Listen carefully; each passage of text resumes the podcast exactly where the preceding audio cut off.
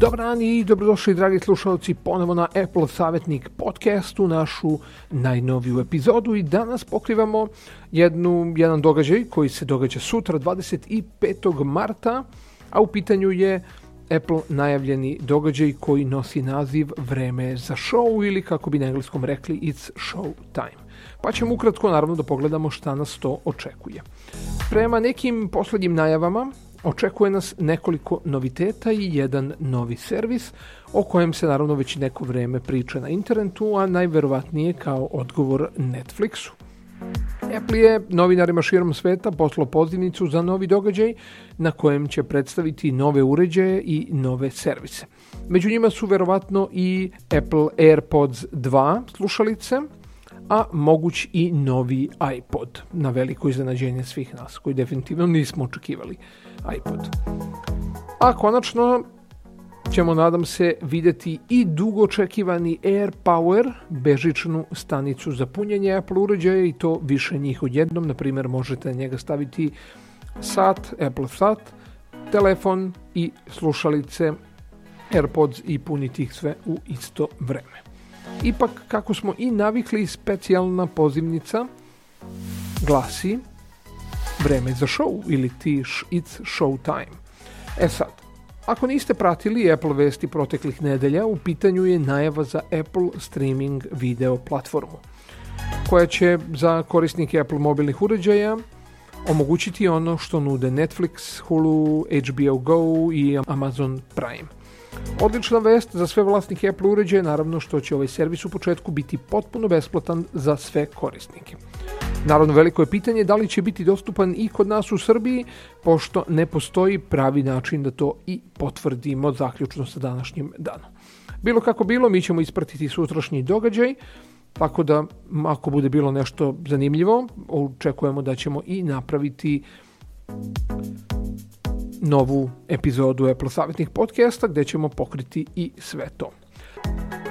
E sad što se tiče zanimljivih vesti koje su se desile proteklih nedelju ili dve dana, tu je naravno i objava novog iPad Era i iPad Minija. Bez ikakve pompe i prevelikog marketinga Apple je objavio dva nova iPad modela – 10,5-inčni iPad Air treće generacije i 7,9-inčni iPad mini pete generacije. Što se tiče novog iPad Air-a, on ima novi 10,5 inča retina display sa rezolucijom ekrana od 2224 puta 1668 uz gustinu od 264 piksela po inču. Naravno, tu je i True Tone tehnologija kao i podrška za DCI i P3 Spectre boja, što je za svaku pohvalu. Što se tiče manjeg modela, iPad mini ima 7,9-inčni display, rezolucije 2048 x 1536 i 326 piksela po inču. Display ovog tableta također podržava True Tone tehnologiju i širok spektar boja. Osim ekrana, praktično ova dva nova iPad modela su gotovo identična. Oba pokreće Apple A12 Bionic čip i M12 koprocesor, a oba modela stižu sa kapacitetom od 64 GB i 256 uz opcionu podršku za celular. A naravno tu je i najavljena podrška za Apple Pencil prve generacije. Što se kamere tiče, one su takođe identične na oba modela, sa 8 megapiksela f2.4 senzorom na poleđini i 7 megapiksela prednjom kamerom. Ono što moramo da naglasimo je da oba modela nemaju Face ID, tako da se oni oslanjaju na stariju Touch ID tehnologiju što mi e, ne smatramo nekom manom.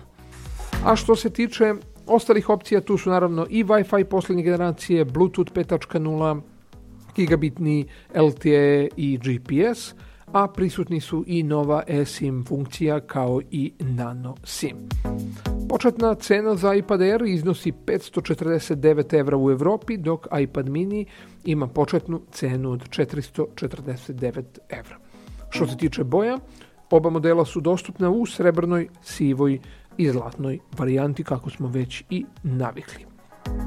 E sad, pored um, iPad modela, moramo da pomenemo i uh, iMac računare. Znači, odmah nakon ovih iPad modela Apple je ažurirao i svoje iMac Pro modele, opet bez neke značajnije najave. Ažuriranje je fokusirano više na procesore i ne uključuje redizajn izgleda i funkcija. Apple iMac će nastaviti da izgleda i funkcioniše poput svojih prethodnika, ali će imati poboljšanja na polju procesora koji sada stižu u vidu Intelove 9. generacije.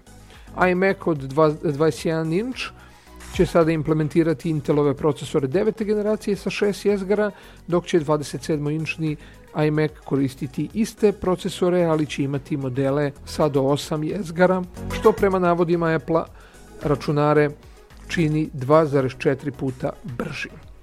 Ažurirani iMac modeli dobijaju i AMD Radeon Pro Vega grafičke kartice, što je takođe ranije najavljeno, ali cene za naš region još uvek nisu poznate, pa se nadamo da će to biti narednih nedelja.